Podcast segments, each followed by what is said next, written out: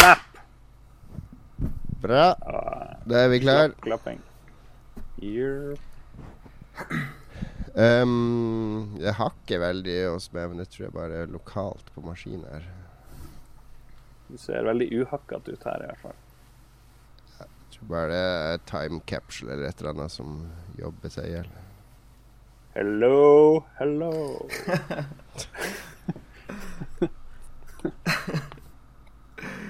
det her er lokalt brygget. Så det er jo nice. Hvor lokalt? Eh, borte på Evenes. Å ja, Jeg ser ned på flyplassen. ja. Ja. Microbrewery.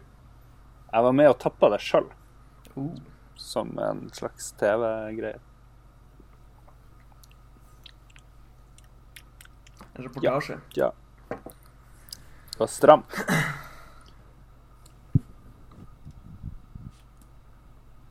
Hvis jeg må puke Sånn, der er tweeta linken. Da er vi klare til å starte, da. Ja. Mm.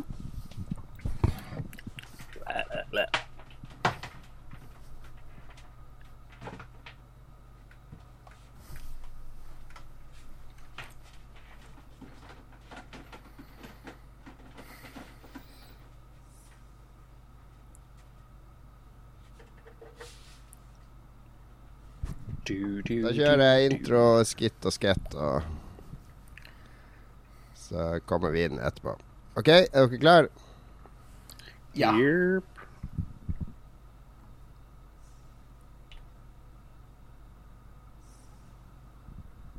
Thanks, John. Our next guest has spent the better part of a decade developing some of the most critically acclaimed franchises, and we're really pleased to welcome to the stage for the first time Stand by for an important announcement from the Aperture Science Emergency Surprise System. Deploying surprise in three, two, one.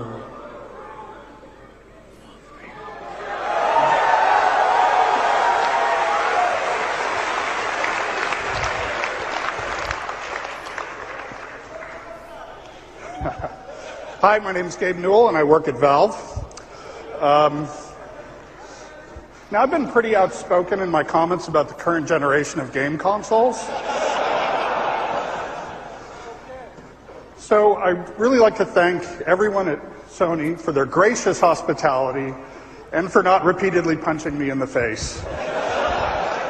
I'm a little nervous.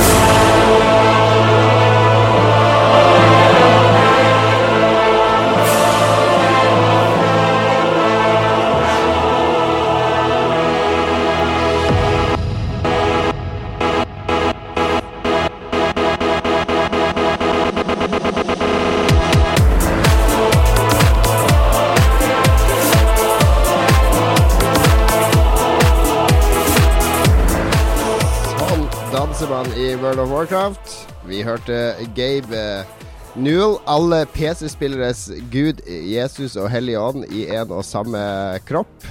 Eh, og som, eh, som ble redusert til standup-komiker på scenen til Sony, der han kyssa Sony i rumpa gjentatte ganger etter å ha dissa PlayStation 3 i mange år. Så gikk han endelig over til den mørke sida. Det har vært en ekstremt ydmykende dag for alle PC-spillfans, eh, som så Gabe på scenen til hovedfienden. Eller hva? Mats, vår PC-spillekspert. Hei, hei. Uh, ja Ikke nødvendigvis.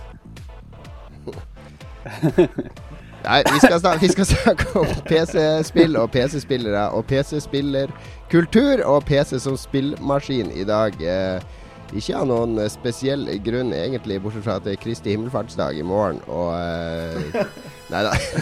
Vi, vi skal ta for oss litt eh, om PC i dag, fordi eh, PC har jo vært eh, eh, Folk har jo spilt på PC siden 70-tallet, så det er vel egentlig den, den uh, lengst Den originale spillemaskinen. ja, den originale spillmaskinen på mange måter. Vi har jo vokst opp med Eller vi har vokst opp med andre typer datamaskiner, men vi har vel vært innom PC, både jeg og du, eh, Lars.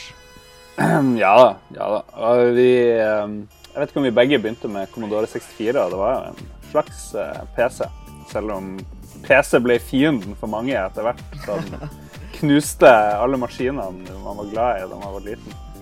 Det var, jo, det var jo lenge deilig å høre at man hadde mye bedre lyd og mye bedre grafikk og sånt på PC, men til slutt så eh, tok de knekken på konsoller og, eh, og Amiga og alt det der. Før landskapet igjen endra seg litt. Men det var bra intro, Jo. Det var litt sånn Jesus og stormannsgalskap. Det er jo litt sånn som PC-spillere er, er det ikke det? Jeg får følelsen av at det er et litt sånn stormannsgalskapssnev over mange PC-spillere. Det handler veldig mye om eh, dyre komponenter og ekstrem ytelse, så kanskje Men det kan vi snakke mer om litt seinere i, i sendinga. Eh, vi har, eh, som dere kanskje savner, så er ikke Magnus med i dag heller, for han er midt i eksamenskjøret fortsatt. Uh, Judas. Han har kun tid til å lese og spille Heartstone, tenker jeg. Nedprioritere Lolbua, dessverre, men vi, han eh, lover at han skal være med neste uke.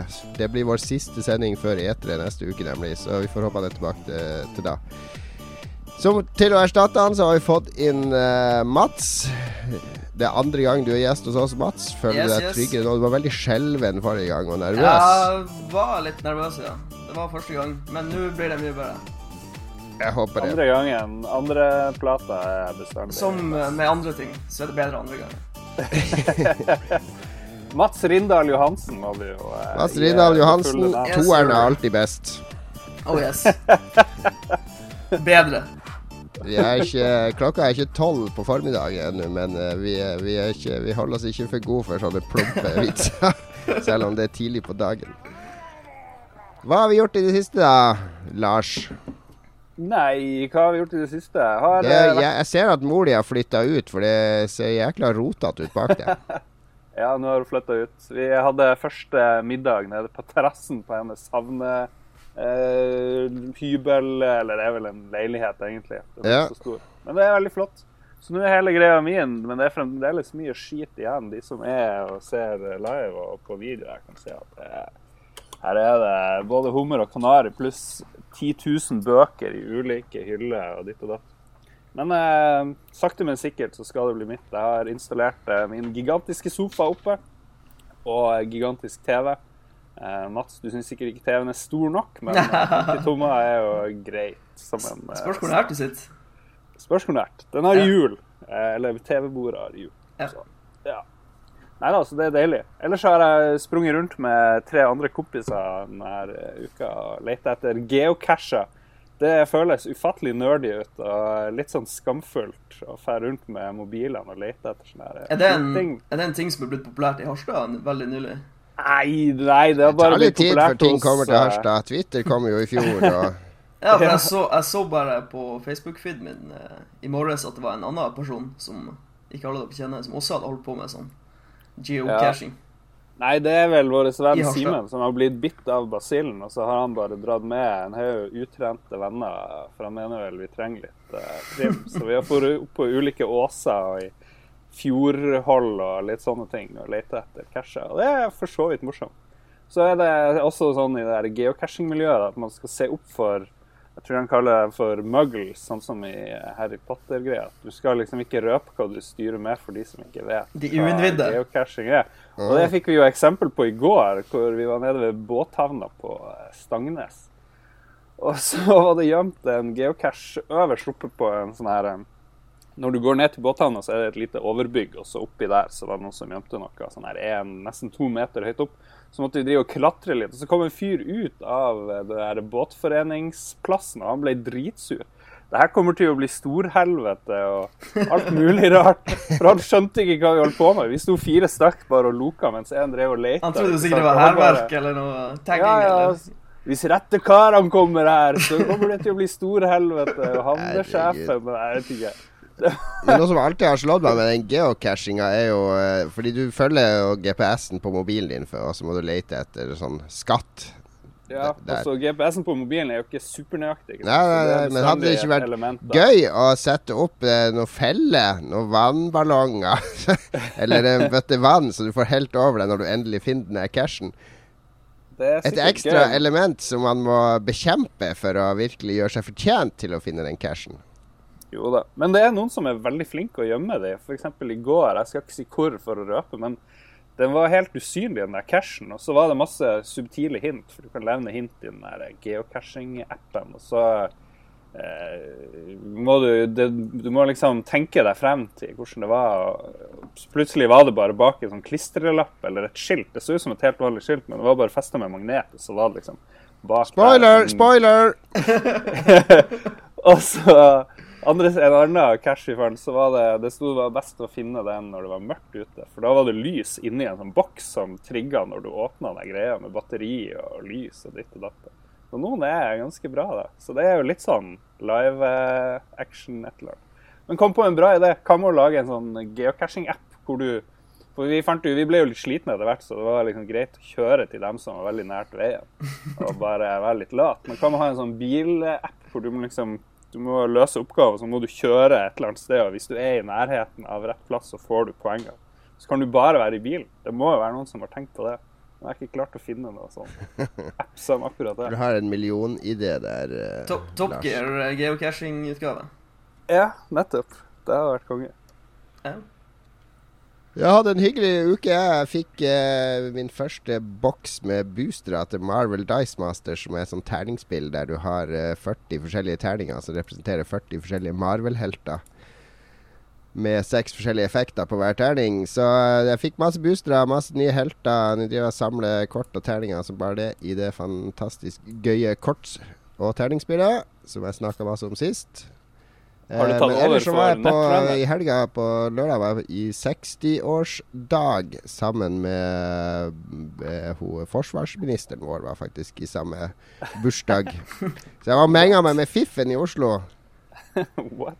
Eh, og det var noen fra Stortinget eh, som var performa på scenen, hadde sånn kabaretshow. Og eh, var, eh, var artig nok, men det virkelig morsomme var etterpå, når vi skulle ut på byen klokka halv ett. ett. For da vi var på Grønland, så vi dro på et utested som heter Pigalle. Der jeg ikke har vært på egentlig fem år. Og når jeg var der for fem år siden, så var det litt sånn hipt utested der det var det var masse sånne båser som man kan sitte i. da Altså det er en telefon i hver bås. Altså Hver bås har også et tall, da. Så du kan drive og ringe til random med andre båser og snakke med folk mens du sitter der. da Det var veldig Veldig artig måte å sjekke damer på og sånne ting. ikke sant Hvis du har et bord med bare damer, så var det om å finne nummeret til de. Skulle man ringe dit og snakke litt sånn anonymt og Ja, du skjønner sjøl. Men nå var det helt bytta ut, det. Nå var det i stedet blitt et skikkelig sånn 70-tallsdiskotek, da, med giga diskokule i taket. Masse sånne båser fortsatt, og et eh, ikke altfor stort dansegulv, men et flott dansegulv. Og så sto det en, eh, en fyr og var DJ, og han spilte bare låter fra eh, 60- og 70-tallet. Eh, skikkelig diskolåter. Sånn der eh, eh, Night on Disco Mountain-type disko og uh, eh, Sugar Hill Gang-rapping og eh, 60-talls soul og James Brown. Og det er den artigste diskotekopplevelsen jeg har hatt uh, siden 90-tallet, egentlig. Men det skyldes sikkert at jeg går ut på sånne ting kanskje to ganger i året. Så men jeg ble overvelda av hvor gøy det var der, og hvor mange folk som dansa, og god stemning. Uh, hyggelig det var på, på disko. Det var liksom ingen låter som var der du sukka oppgitt. Det var bare høydere på høydere. 60-årsdag og disko og eh, stortingsrepresentanter. Det høres jo helt forferdelig ut, Jon. Det der eh, uff. Ja vel. Ja, nei, jeg skulle heller, gjerne heller gått i skogen og lett etter en gammel eske som en gammel gubbe har gravd med en lommelykt i. Det, det Hver sin smak. Nei, Enn du da, Mats? Er det, noe oljeboring på gang? Uh, ja, jeg har vært hjemme i snau uka, så uh, denne friperioden har jeg som uh, mål å selge leiligheter. Så det kommer en megler 3. juni, så jeg driver og febrilsk prøver å rette opp de verste, verste feilene med leiligheter. så Hvor, eh, hvor du skal flytte henne, da? Eller skal du bo på gata? Jeg, jeg skal bo på gata, ja. Eh, yeah. Fram, jeg har ikke funnet noe ennå, men eh, det er mulig jeg drar opp til Harstad en liten periode og, og henger der. Ja, og, Lars han samler styrkene oppe i Harstad, og Lars har flytta til Harstad, Men så det, kommer det, de andre er, etter. det er Oslo som er målet omsider. Sånn egentlig. Men uh, først må jeg bare finne en, Ja, Oslo er liksom level 10, da. Så du må først opp på level 5. Det er Harstad. Så må du Ja. advance litt, og så når du kommer til level 10, så kan du innta Oslo. Ja. Drepe han Lars. No offense, Lars. Jeg sa du ble så mutter. Nei, nei, jeg bare prøvde å oppdatere meg på et spill vi ble spurt om her, mens dere eh, fjaser. Nei, det er bare å komme. Det er mye plass her i Kassa Olsen. Kassa Olsen, så ja. Kjør på. Det er nok det. Yes. Vi skal ta for oss dagens tema litt. Uh, vi har uh, Jeg har laga Vi eh, For å ha en disclaimer først, da. Vi er jo Jeg spiller masse på PC. Jeg er glad i PC-spill. Jeg er glad i PC-spilling. Men jeg, eh, jeg er av den oppfatning, og det er kanskje feilaktig, jeg må gjerne sende meg mail eller twitre til meg eller hva som helst. Og irettesette meg, men jeg er av den oppfatning at PC, eller de hardcore PC-spillerne, er utrolig sånn hårsår uh, gjeng som bruker enhver anledning til å fremheve PC-ens fortreffelighet, spesielt overfor de, eh, de mindreverdige konsollene. Uh, jeg opplever det ganske ofte i f.eks. på gamer.no sitt kommentarfelt. Det kan være en sak som handler om noe som ikke er et PC-spill i det hele tatt, og så kommer det inn en eller annen brautkuk og bare Tenk hvor mye bedre dette hadde vært på PC hvis det ikke hadde vært begrenset av de elendige konsollenes infrastruktur som var ødelagt for hele spillet. Uh, altså, det, er er sånn der eh, ag aggressiv holdning hos en del PC-spillere altså, som, som anser PC-en som en sånn der eh, superior master race-maskin å spille på. Eh, Jeg vet ikke om du kjenner deg igjen i beskrivelsen, Mats? Uh, jeg kjenner meg ikke igjen i beskrivelsen. Jeg kjenner veldig godt igjen fenomenet. For det, det blitt en ting på internett. Uh, jeg tipper noen gjør det sarkastisk, men jeg tror noen er 100 ærlig. Men de er bare en, en bitte liten brøkdel av, av alle PC-spillere. Du, du er jo òg en PC-spiller. Jeg er òg en PC-spiller. Ja. Men jeg er, ikke, jeg er ikke av den uh, master race-oppfatninga. Okay. jeg jeg, ser, mer på det som humoristisk. Ja, ja, ja. ja for jeg har laga noen, eh, noen kanskje litt provoserende postulater da, Ja, altså. om PC-spill og sånn. Eh, Det er ikke meningen å tråkke noen på tærne her. eh, Men hvis du føler at det blir litt vondt i tåa di, så kanskje er det fordi at jeg traff nærmere enn du har lyst til å innrømme. Men vi kan diskutere disse postulatene, Lars og Mats. Postulat 1. PC-spillere er mer opptatt av grafikk og ytelsesevne enn morsomt gameplay. Sant eller usant? Det er jo kjempesært. Sånn, I hvert fall i klisjeen, spør du meg. det. Det er jo Hver gang det diskuteres et spill, så kommer det jo først opp hvor mange frames per sekund er det, og hvor høy oppløsning er det. Det er liksom ikke er det et morsomt spill. Det, det kommer veldig langt ned i rekka. Ja. Nei, altså eh, Jeg syns det er som både og, hvis jeg skal være litt feig og safe for inn. Men uh, du ser det jo nå på, på PlayStation 4 og de nye spillene som kommer. Så det ene spillet etter det andre må jo annonsere at de allikevel ikke klarer å opprettholde 60 frames per sekund. Og, og må liksom nedgradere til, til 30 FPS, som er den gamle konsollstandarden. Og jeg, jeg syns i hvert fall det at å, å spille et spill på 30 FPS og 60 FPS, det, det er ganske stor forskjell. Men uh, hvis, hvis gameplayet er supersolid, så vil jo selvfølgelig det kompensere for det faktum at, at det er litt sånn ujevn flyt i spillet. Grafisk. Men uh, du blir jo vant til 30 FPS. Du, du blir det, du blir det. Men på den andre side, jeg kan trekke frem et eksempel som er Dark Souls. Jeg spilte Dark Souls på PlayStation 3 mye. Og så ble det omsider porta over til PC. Og så um, Opprinnelig på PC var det låst til 30 FPS pga. noe med animasjoner. Så var det en smart fyr som klarte å fjerne den begrensninga, og det var helt vanvittig å spille Dark Souls i 60 FPS sammenlignet med 30 på, på PlayStation. Så Det, det er jeg helt enig i, men, men jeg tenker hvis vi skal spinne videre på postulatet, så tenker jeg at det er noen PC-spillere som heller velger et spill som er uh, teknisk imponerende og grafisk fantastisk, fremfor et spill som kanskje er mye mer givende uh, sånn gameplay-messig. Ja, det, det er veldig sant. Det, det er mange som blir utrolig opphengt i, i det visuelle. Og eh, det er bare å se på hele det Crisis-greien. Ja, Crisis er et godt eksempel. Det er, Det er veldig- veldig jeg syns det er møkkaspill. Toeren og treeren er Ja, er gørrkjedelige noe- skytespill. Ja, det er straight up skytespill. eh, Det eneste som er, som er positivt ved det, er det grafiske. At de dytter, de dytter grensen til det eh, maskinen kan gjøre, rett og slett. Mhm. Men eh, det, er- det kan bli negativt hvis man henger seg for mye opp i det, uten tvil. Er det, er det tilfeldig, Mats, at eh, en PS4 ligger i sånn kosekrok i sofaen din bak? Jeg, jeg skulle bare vise at jeg ikke er bare PC-spiller. Den er faktisk eh, Den er uåpna. Den ligger fortsatt i eska. Uh. Han skal jo flytte snart, så han driver og samler ting han skal kaste i sofaen. ok, men skal, hvis vi skal komme til en konklusjon, hvis vi skal stemple at det her er sant eller usant, hva, hva stempler vi, Lars? Hva er ditt Eh, Hva lander du PC-spillere er mer opptatt av grafikk enn morsom gameplay. Ja, helt enig. Mats? Jeg, jeg vil jeg, jeg, jeg, Det spørs liksom hvem du spør, men hvis, hvis du vil ha et, et Du er altfor saklig. Ja, OK, sorry. Eh, da vil jeg være uenig med Lars og si usant. Da er det jeg som avgjør, jeg stempler jo i håp om at vi provoserer masse PC-spillere og får en masse mail og tweets og ting som vi kan snakke om i neste episode, så stempler jeg selvfølgelig. Det er helt sant. Saken er avgjort. Postulat 2.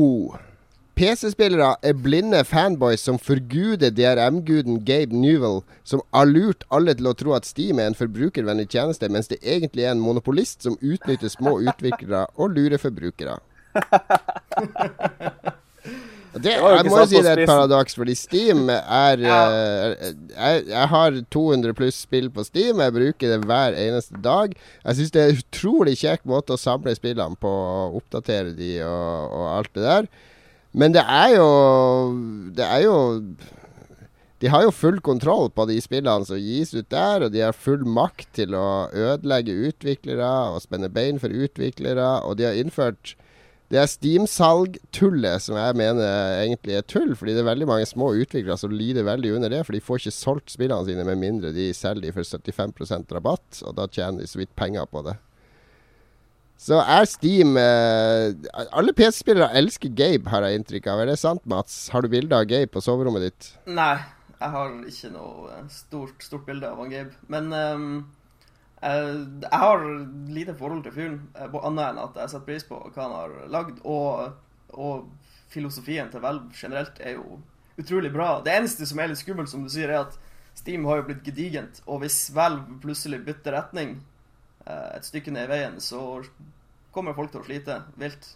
Men Vi kommer hvis til å bli kjøpt opp av eh, Facebook om ikke så lenge. ja, det, ja, det, det noe, noe sånn hadde vært dødsskummelt. Men eh, nå har jo Steam Det har jo skjedd forandringer de seks siste månedene. Nå kan jo bl.a. utviklere sjøl Tidligere så var det jo kun Steam, eller Valve, da, som, som kunne eh, holde salg på spill, eller bestemme at et, et spill kunne vært på nedsatt pris. Men nå har jo utviklerne sjøl mulighet til å uh, sette ned prisen på sitt eget spill eh, for å selge flere kopier av det. Så, og pluss at jeg har ikke lest så mye opp på det, men det virker som du nærmest kan slippe hva som helst på Steam nå, eh, så lenge du bare får det greenlighta og, og sånn. Og det er jo litt mystisk. Ja, det er litt lettere å komme inn der, men samtidig så blir det blir jo som i AppStore. Det blir for mye, spesielt av de Ja, det er, jo, det er jo et stort problem nå at, det, at eh, du får ikke solgt spillet ditt med mindre du havner på, på eh, høyt oppe på top, toppsellerslista.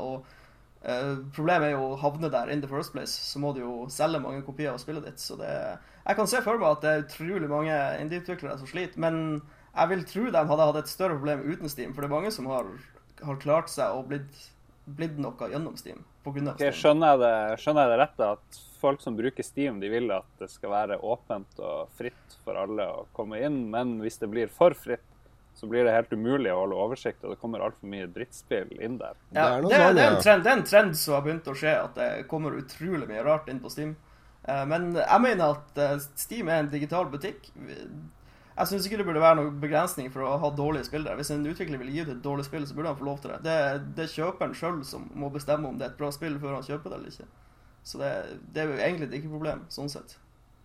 Men det sliter jo med de samme problemene som alle sånne digitale tjenester. Nå har du begynt med sånn family sharing i beta, for det har jeg gått og venta på i to år. Fordi jeg har jo sønnen nå som blir 13 år, og han har egen Steam-ID, så vi kan spille Borderlands sammen og, og sånne ting. Uh, Det må jo være vår ID og hvert vårt spill. Men jeg vil jo gjerne dele min svære spillsag. Jeg vil jo gjerne at han skal kunne spille den via sin Ja, men Kan ikke dere gjøre det nå? Nei, jeg tror du må være inne i en sånn beta invitert Ja, ok. for å få lov til å teste den tjenesten, og det er ikke jeg, dessverre. Ah, okay. Men jeg gleder meg veldig til det kommer, fordi det letter det, det, er noe som både Apple og alle andre som selger digitalt innhold, trenger å tenke på. At uh, ofte er det familier som har behov, det er, det er behov for flere å få tilgang til de tingene. Ja, ja det er et utrolig kult prinsipp. Så, uh, men, men ødelegger det ikke veldig det, er jo et, det, stemmer jo for alle sånne greier. Men jeg tenkte mye på det da jeg spilte Heartstone. Fordi man jeg har jo bitt i det sure eplet og investert i en sånn gigapack med 40 eh, boosters til 300 og 40, 49 euro, eller hva det koster. og, og når jeg før kjøpte boostere til Magic, så kunne jeg jo gi bort og bytte de kortene jeg ikke ville ha, eller noe sånt. Men nå så er det Den der samlinga er liksom knytta til min konto og forblir der for evig tid. Mye likt kjøp på sånne digitale butikker. Du, du, eier tingene dine, men du kan ikke gjøre noe stort med dem. i ja, det hele tatt. Jeg har tenkt på det der sjøl. Det burde jo absolutt være mulighet for å gi bort spill som du eier. Det, jeg vet ikke hvorfor det ikke er en ting. Har vi blitt lurt? Har vi blitt lurt skikkelig? Jeg tror Alle det jobbes sitt... i EU med å innføre regelverk for det der. At det skal være mulig å selge digitale gjenstander man har kjøpt. Ja. Ellers så er jo jeg stor fan av Steam, da, egentlig. Jeg syns jo det er flott at det er billig, og tenker ikke så mye på de her stakkars utviklerne som, uh, som lider under uh, at folk er blitt vant til å kun kjøpe spill hvis de koster to-tre euro, eller det er jo en uting å drive og kjøpe sånne pakker med ti spill der du ender opp med å spille to av de. Ja, du altså. kjøper liksom hele katalogen til en utvikler. Ja, og når, når det er sånn Steam sommersalg og julesalg og sånn, så sitter jo PC-folket helt i feber hver dag for å se hva som kommer på tilbud, og de kjøper jo alt mulig dritt som aldri blir spilt. Det må jeg si meg litt skyldig i der. Jeg har utrolig mange spill i Du og alle andre. Som, jeg har gått i den fella sjøl òg. Ja. Men jeg, jeg driver og jobber med saken. da. Jeg, jeg har roa ned blindt, blind kjøpepolicyen min og driver og spiller gjennom alt. Sakte, men sikkert. Det er bra. Ja, skal vi komme til en konklusjon? Er vi enige eller uenige i postulatet om at PC-spillere er blinde fanboys som forguder Steam og Valve, eh, som egentlig er forbrukerfiendtlig? Jeg må si jeg kan begynne med det. Jeg må si jeg er uenig med mitt eget postulat. altså, uh, Steam, er, Steam, er, en bra ting. Uh, og spesielt hvis man tenker på alternativene til Steam, som Origin og Uplay og alle mulige andre jalla-portaler som er langt verre. Du har et par bra Du har Good Old Games og, eh, og uh, Humble Bundle, som er ja, solide alternativer. Men tenk, tenk, hvor slitsomt det ville vært hvis hver utvikler skulle hatt sin egen løsning på uh, digitalt salg av, uh, av, spill. Det hadde jo blitt uh, smørja uten like. Det hadde blitt et mareritt. Så du er uenig du òg, Mats? Ja. Og Lars? Eh, det, det, jeg syns ikke at uh, Jeg syns jo PC-spillere er blinde fanboys, det er jeg helt enig i. Og at de forguder DRM-guden Gabe Newell. Newell. Men jeg tror ikke han har lurt alle til å tro at Steam er en forbrukervennlig tjeneste. For det er det jo. Det er jo fantastisk. Absolutt. Da var vi faktisk enighet om at postulat 2 var bare tull. Da går vi til, eh, til postulat 3. Konsollspill er Satans verk og har ødelagt for PC-spill i de siste 20 årene. 20 år? Hvordan år er vi da? 90 Det begynte jo med Play Det var først da PlayStation kom at konsollspillene eh, ødela for den uh, superior PC.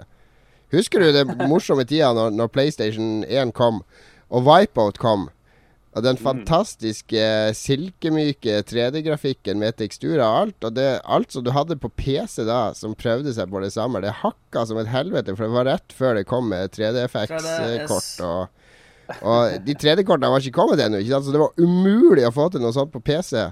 Og da så du Da sto PC-spillerne med tårer i øynene, og så skal denne lille grå boksen Har den knust min DX2 66 MHz eh, digre kabinett-PC som jeg har betalt 16 000 kroner for for å spille Systemsjokk og Terranigma. De, de var, det var sikker på at det var flere som eh, begikk selvmord da foran PC-en sine. Men, eh, men så kom 3D-kortene, og da var den forbigått. Ja, men PC-spillere hadde jo bare to år kanskje hvor PC-ene deres var kraftigere enn en konsoll. Egentlig. Det var sånn Jeg vet ikke når Amigaen begynte å bli svakere enn en PC, men det var jo liksom veldig kort tid. Det Eneste Ja, så- PC-en redda seg på, det var jo de her FMVE-spillene. Sånn her uh... Under a Killing Moon og Nei, det var, det Ja. var jo Doom. Doom og Wolfenstein og de spillene der fikk du ikke til på Ja. Amiga, ikke sant? Ja, og uh, XCOM og sånn strategispill med mus. Var jo Ja, det var på. Amiga òg. Ja, jo, for så vidt. Men, men PlayStation satte jo en ny standard, og den gjorde jo spilling uendelig mye mer populært. Og det gikk jo selvfølgelig ut over de som hadde laga PC-spill, som nå måtte begynne å lage PlayStation-spill. Og det var jo da denne dette sinnet, irritasjonen, kom over at uh, spill ble laga for konsoll, og så porta til PC. Det snakka du så vidt om, Mats, med, med Dark Souls 1 er jo et godt Ja, eksempel på det. Yes. Nei, og så eh, Bare for å, å se på postulatet, så vil jeg jo si at det, det er usant, fordi uh, uten, uten konsoller så hadde jo spillindustrien sett helt, helt annerledes ut. Det, det er jo uh, det er jo en slags symbiose. Ja, men det PC-eierne eh, mener er vel at det hadde sett mye bedre ut om alle hadde fokusert på å lage PC-spill og utnytta kreftene i PC. Det hadde det sikkert, men da hadde du hatt færre spill. For da hadde du ikke hatt alle utviklerne du har i dag, som gir ut spill på konsoller. Som omsider blir porta over til PC. Så du, du trenger begge deler. Du trenger konsoller, du trenger PC. Ut, uten, uten PC hadde også eh, garantert eh, konsollindustrien sett ganske annerledes ut. Ja, det tror jeg. Men jeg, jeg, jeg er jo også en ganske stor fan av eh, det, det å lage ting med begrensninger. Fordi det Hvis du skal tegne en tegning med bare fire Du har bare fire farger på tusjene, så må du være mye mer kreativ for å lage en kul tegning enn om du har et sett med, med 1000 tusjer i 1000 forskjellige farger. Der du sitter plutselig og er overvelda av de verktøyene du har, og alle mulighetene du har. Sånn at uh, Absolutt. ja, så, så PC-en er jo Du har jo egentlig uendelig med muligheter der, fordi hele tida så utvides hardwaren. Så jeg tror nok at konsoller har bidratt kanskje til å sprenge mer grenser, fordi at du utvikler innenfor faste rammer, og da eh, vet du hva du har å forholde deg til, og da kan du eksperimentere og gjøre andre knep for å imponere. Ja, pluss plus at eh, på en, på en konsoll så vil jo alle få en lik opplevelse. Alle som spiller The Last of Us, vil jo få den samme grafiske opplevelsen. Men på et PC-spill så kan du jo en person ha en kraftig PC og få en uh, veldig bra opplevelse. En annen person kan kanskje ha en dårlig PC som så vidt klarer å kjøre spillet, og blir kanskje, får kanskje en, en, et dårligere inntrykk bare pga. det.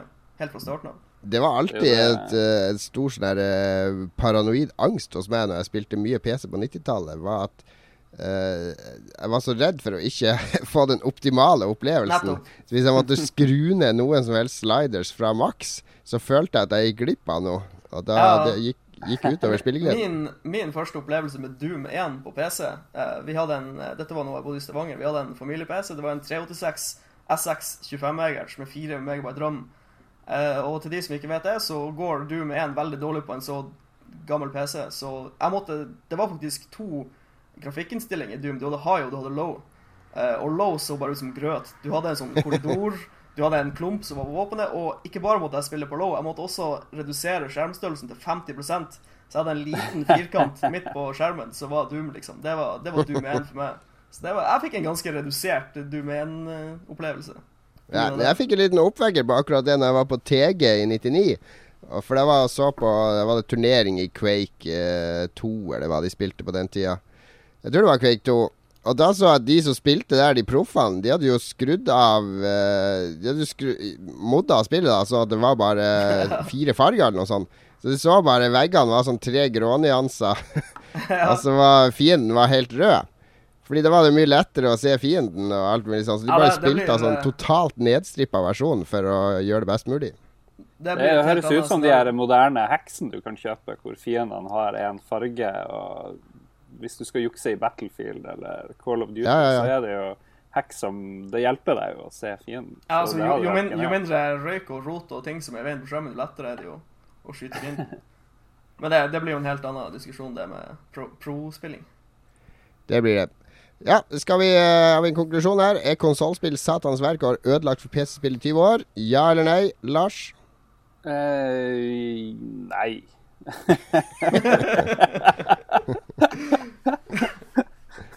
Skål, folkens. Nei, nei fra meg òg. Jeg jeg må si meg enig. Nei, konsollspill har jo eh, på ingen måte ødelagt. Det er godt å høre. Da har, da har vi ett siste postulat. eh, Jeg Postulat. snek inn et eh, Snekt, er det snek, ekstra postulat. snikepostulat? postulat fire. PC ødela for demoscenen. Kan PC lage en smooth Star Wars-scroll? Jeg trodde Det var jo det var lenge at den ikke kunne det, da. Eller ja, i sånne vanlige Stemmer. spill så drev ting og var rimelig shit. Det var Mitt inntrykk var jo lenge at PC-spillene var sloppy programmert. ikke sant? De har altfor mye kraft og altfor mye De har uendelig harddiskplass og ressurser. Så da bare lagde de ting sånn at det fungerte OK. Mens Jeg, på jeg, jeg tror, jeg tror demoscenen uh, døde ut pga. demoscenen i seg sjøl. Ja, jeg vet ikke. Det er jo, det er jo, det er jo, det er jo begrensa uh, Veldig begrensa folk som følger med på det. Ja, men så Men demo, demoscenen døde jo ikke ut. for fall, fall Den, lager holdt, fortsatt den, ja, den eksisterer jo fortsatt. Men sjarmen i demoer, spesielt PC-demoer, syns jeg har lite sjarm. Fordi det, det, det er blitt så mulig å lage så avanserte ting at det er egentlig vanskelig for en lekmann som meg å se hva de egentlig har fått til. Med Ja, ja det, som, det som er tingen på demoscenen nå, er vel hvor, hvor smått du kan lage det. Altså hvor liten filstørrelse du kan ha. Og ja, det er sånn egeninnførte begrensninger for, nettopp for å stimulere kreativiteten. Mm, ja. Problemet med PC-en er jo at alle grensene forsvant, og ingen hadde de samme eh, hardwaren. Sant? Det fantes millioner av ulike kombinasjoner av lydkort og grafikkort og prosessorer. og RAM og whatever. Ikke sant? Oppløsning på skjermen folk hadde. Så det var liksom ikke noe felles eh, baseline for det. Mens før i tida, når du hadde en Commodore 64, eller du lagde en demo på en uh, Nintendo uh, et eller annet, så alle fikk samme opplevelsen. Så Ja. ja. Jeg tar min konklusjon allerede, og ja, PC ødela det. Fuck you!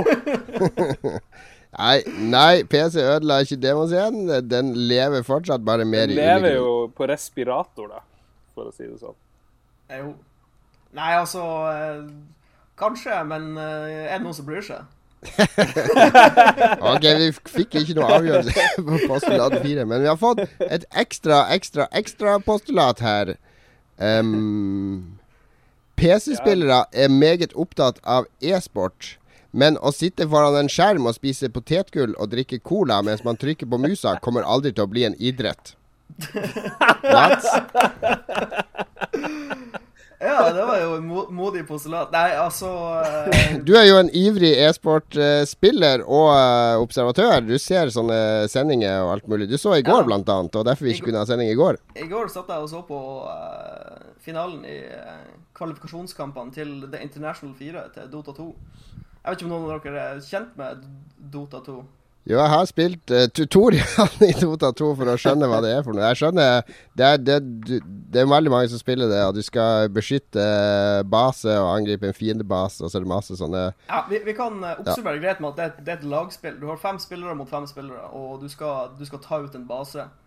Uh, og jeg, jeg følger, følger ivrig med. Jeg syns det er utrolig morsomt. Det er da Valve sin regi. Eh, de henta Dota fra Asken. Dota var opprinnelig bare en map, eh, et custom map til Warcraft 3. Eh, Så fant Valve ut at her kan det bli penger og underholdning av, så de henta det ut, og så eh, kjøpte de opp eh, eh, det av rettigheter de kunne kjøpe opp, og fikk med noen av utviklerne. Så har de lagd Dota 2. eh, Og det starta med The International 1, som var eh, en virkelig sånn De prøvde jo å knuse, knu, knuse myten om eh, e-sport, og hadde en premiepott på én million US dollar eller noe sånt. eh, Teit mye penger. Det var veldig mye penger i, for fem år siden, eller når, når enn det var. One million US dollars! Så det, det de har gjort eh, de siste årene, de starta med det i fjor, uh, det er at de, de Valve, eh, Valve organiserer turneringer. De, de betaler for alle flybilletter til spillerne og lokasjonene, arenaene og alt det der.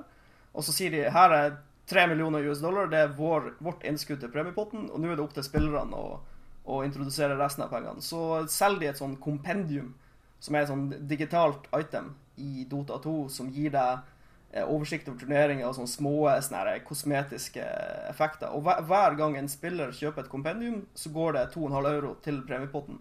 Så nå har jo spillerne økt premiepotten fra 3 til 6,9 millioner US dollar. Så det blir bare mer og mer penger i den her eh, ganske gedigne pengepotten.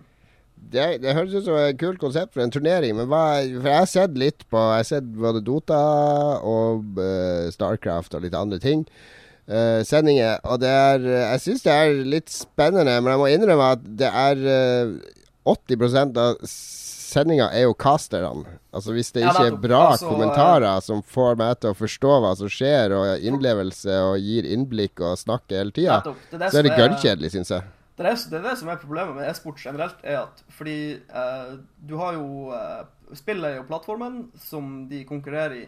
Og eh, for en person som ikke er kjent med, med Dota 2, å se på en pro Dota 2-kamp er jo helt håpløst. Han vil jo ikke forstå 90% av det som skjer. Mens hvis du ser på eh, fotball eller OL eller whatever, mm. så vil jo en, en person som er uinnvidd eh, til sporten, forstå det meste av det som skjer. For det er så enkelt og simpelt. Og det, det, det er et utrolig stort problem med e-sport generelt. Men det, det, der berører du også det jeg syns er et annet problem. fordi at hvis jeg ser tre-fire Dota-kamper med ulike lag så, altså Hvis jeg ser Barcelona mot Manchester United, så ser jeg jo kamper fordi jeg vil se Ronaldinho og Messi. Altså Det er spillere som presterer som seg sjøl. Mens hvis jeg ser Dota-kamp med, med, flere forskjellige lag, så ser jeg jo igjen de samme spillfigurene som gjør de samme tingene, og som bruker de samme taktikkene. Det er ikke noe sånn identifikasjon av disse spillerne eller lagene, føler jeg. Er det veldig forskjellige spillestiler? Er det noen lag som er kjent for ja, enkelte spill? Går det an å kjenne igjen? Hvis du hadde sett en kamp uten kommentarer, uten lyd, hadde du klart å kjenne ja, okay. igjen laget basert på spillestilen deres? Det, det var litt verre. Det, det hadde nok vært problematisk. Eh, så du har, du har, et godt poeng der. Men du har Hadde det ikke vært en idé å mappe fjesene eller hodene eller kroppene til spillerne på figurene, sånn at det liksom var de som var ute og performa, i stedet for disse generiske fantasyheltene? Jeg vet ikke, kanskje. Kanskje du har en idé der. Fra... har du ikke sett den der filmen Free to Play, som handler om Dota 2 og eh, ja, den lag fra Kina og hit og dit? Yes. Da blir man jo ganske godt kjent med mange av de her folkene liksom ja. personlig historie. Og... Jo da, men jeg tenker når, du burde jo bli kjent med dem mens du ser kampene. Altså Du burde jo kjenne dem igjen på slagmarka, er, er, mitt problem. Fordi det er jo, det er jo den der eh, knekten og den trollmannen og de der samme figurene. Ja, nei, men altså, det, det tror jeg er litt urealistisk. Eh.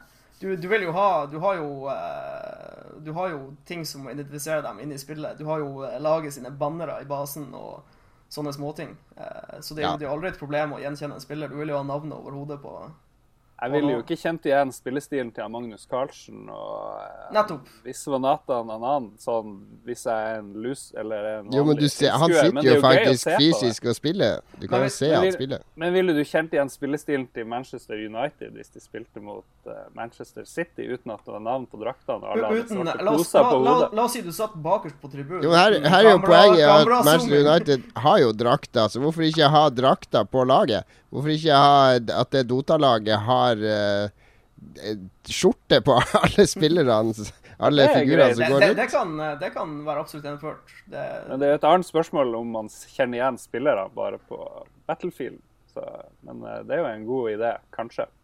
Ja. Kanskje, kanskje. Husker, det var kanskje litt var... sidespor. Men, eh, men uh, postulatet var vel at e-sport aldri blir sport. Uh,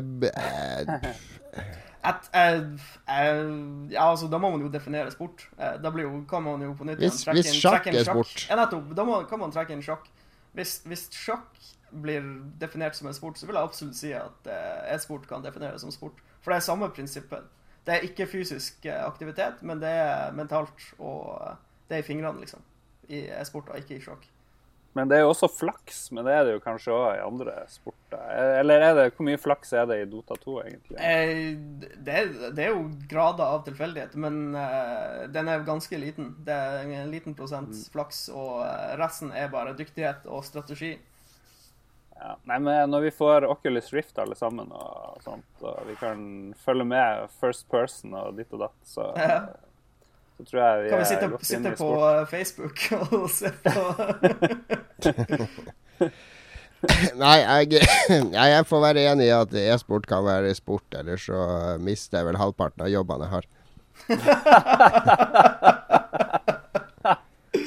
ja, det er bra. Det er bra.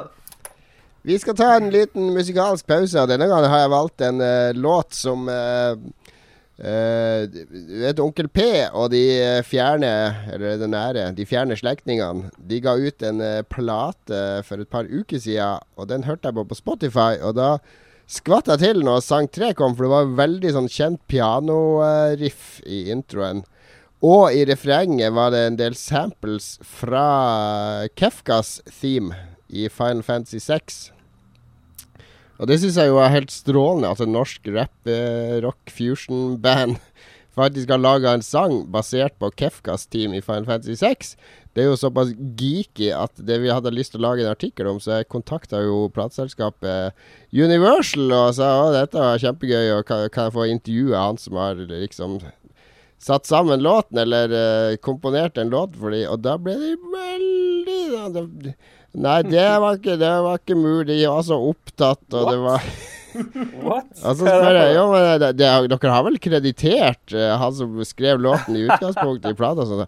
Nei, jeg hadde jo ikke mulighet til å sjekke. Og, det, det er det tydeligvis noen som har uh, noen som kan forvente seg en låsut fra Square Enix i nær fremtid, spør du meg. Men jeg skal ikke tipse Square Enix. Jeg syns Onkel P-låten er, uh, er kjempekul.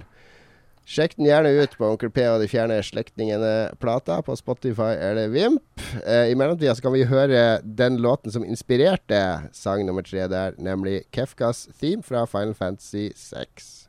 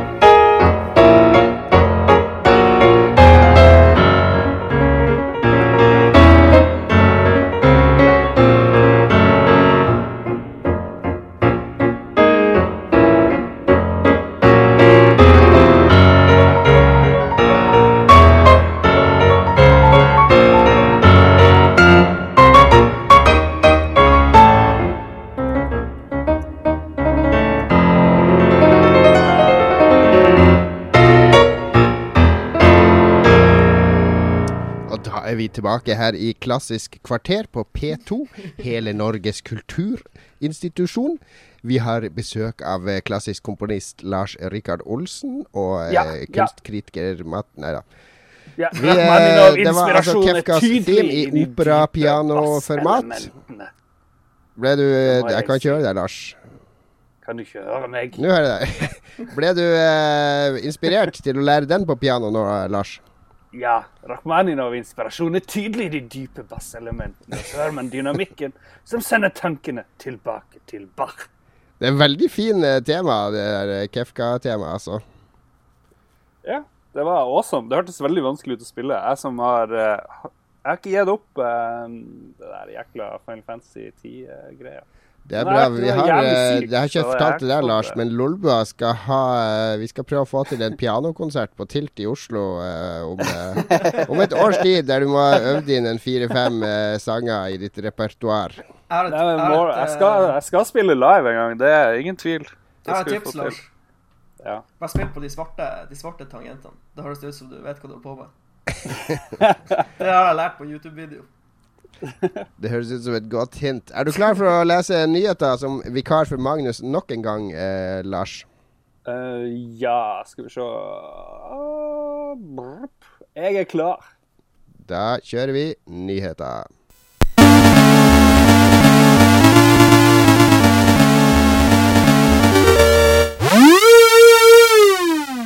The Order er utsatt. PS4-spillet The Order 1886 har blitt utsatt til 1887, eller 2015, som vi sier i vår virkelighet. I tillegg har utviklerne Ready at Dawn fortalt at spillet bruker et filmatisk filter for å få det til å se mest mulig cinematisk ut. Dette er den nye PR-måten å fortelle at et spill kjører i 30 FPS i stedet for 60 FPS. Pre-order cancelled! Nok en utsettelse. Ja, I rekken av mange utsettelser.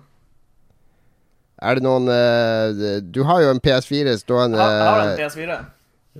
ja, uåpna bak i sofaen din. Er, det noe, er det ingen spill som frister på den for deg akkurat nå? Nei, altså, hoved, Hovedgrunnen til at jeg bestilte den, var Destiny til Bungie. Uh, og det gikk jo rykter om at betaen skulle starte allerede i januar, så da tenkte jeg bare fuck it, jeg bestiller den. Og så kjøpte jeg Destiny, og så fikk jeg en, en nøkkel, og så har det blitt Det også blitt utsatt og utsatt. Ja. Så uh, jeg har ikke sett noen grunn til å åpne den ennå. Pluss at eh, de, eh, de spillene som kommer på, på PS4 nå, kommer jo stort sett på PC.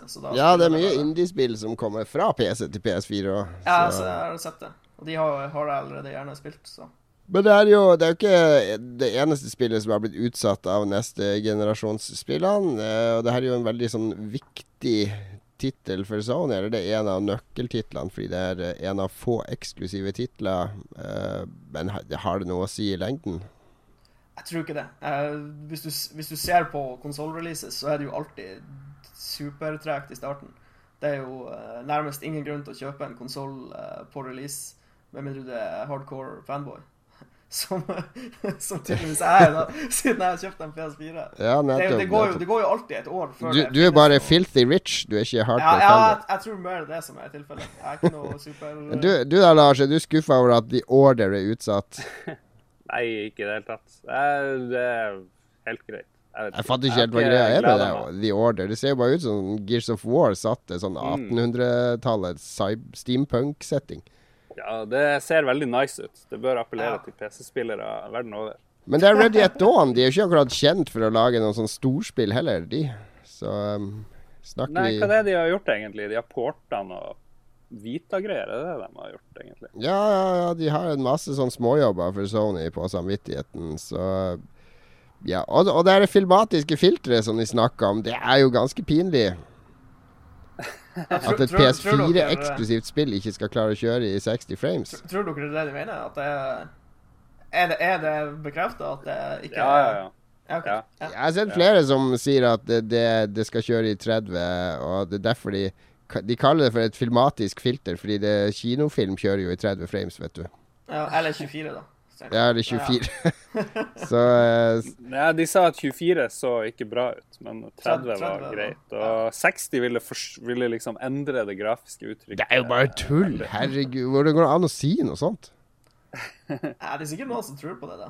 Det skjedde jo med den Hobbiten, fordi det, den filmen så jo var jo mange som mente ikke så bra ut i, i 48 frames, eller hva det kjørte. Ja, 48.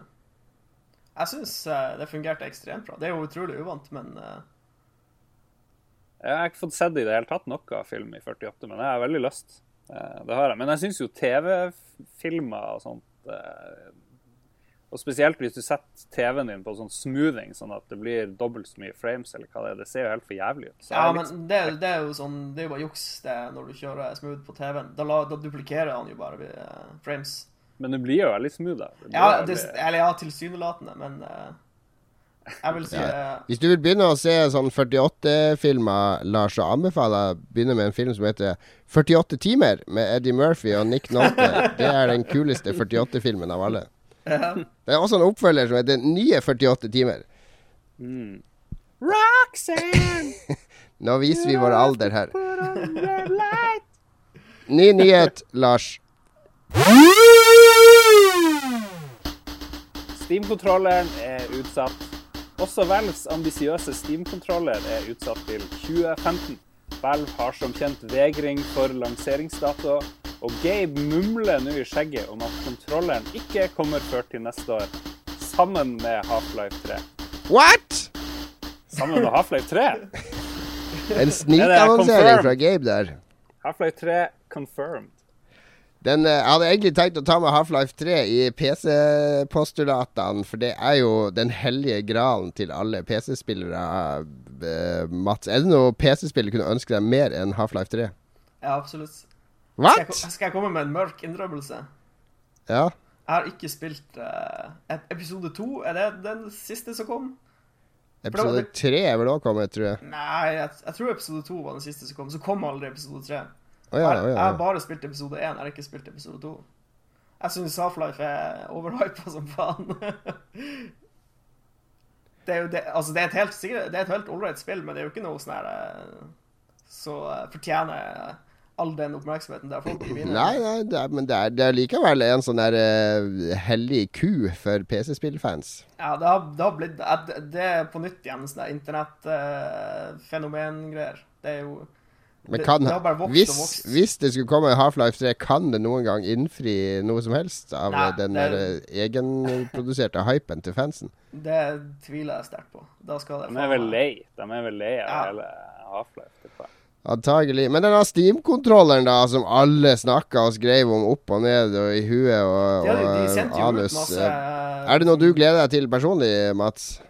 Uh, jeg syns det så interessant ut. Uh, det var jo han der um, ene um, Jeg vet ikke om dere kjenner til Super Mateboy?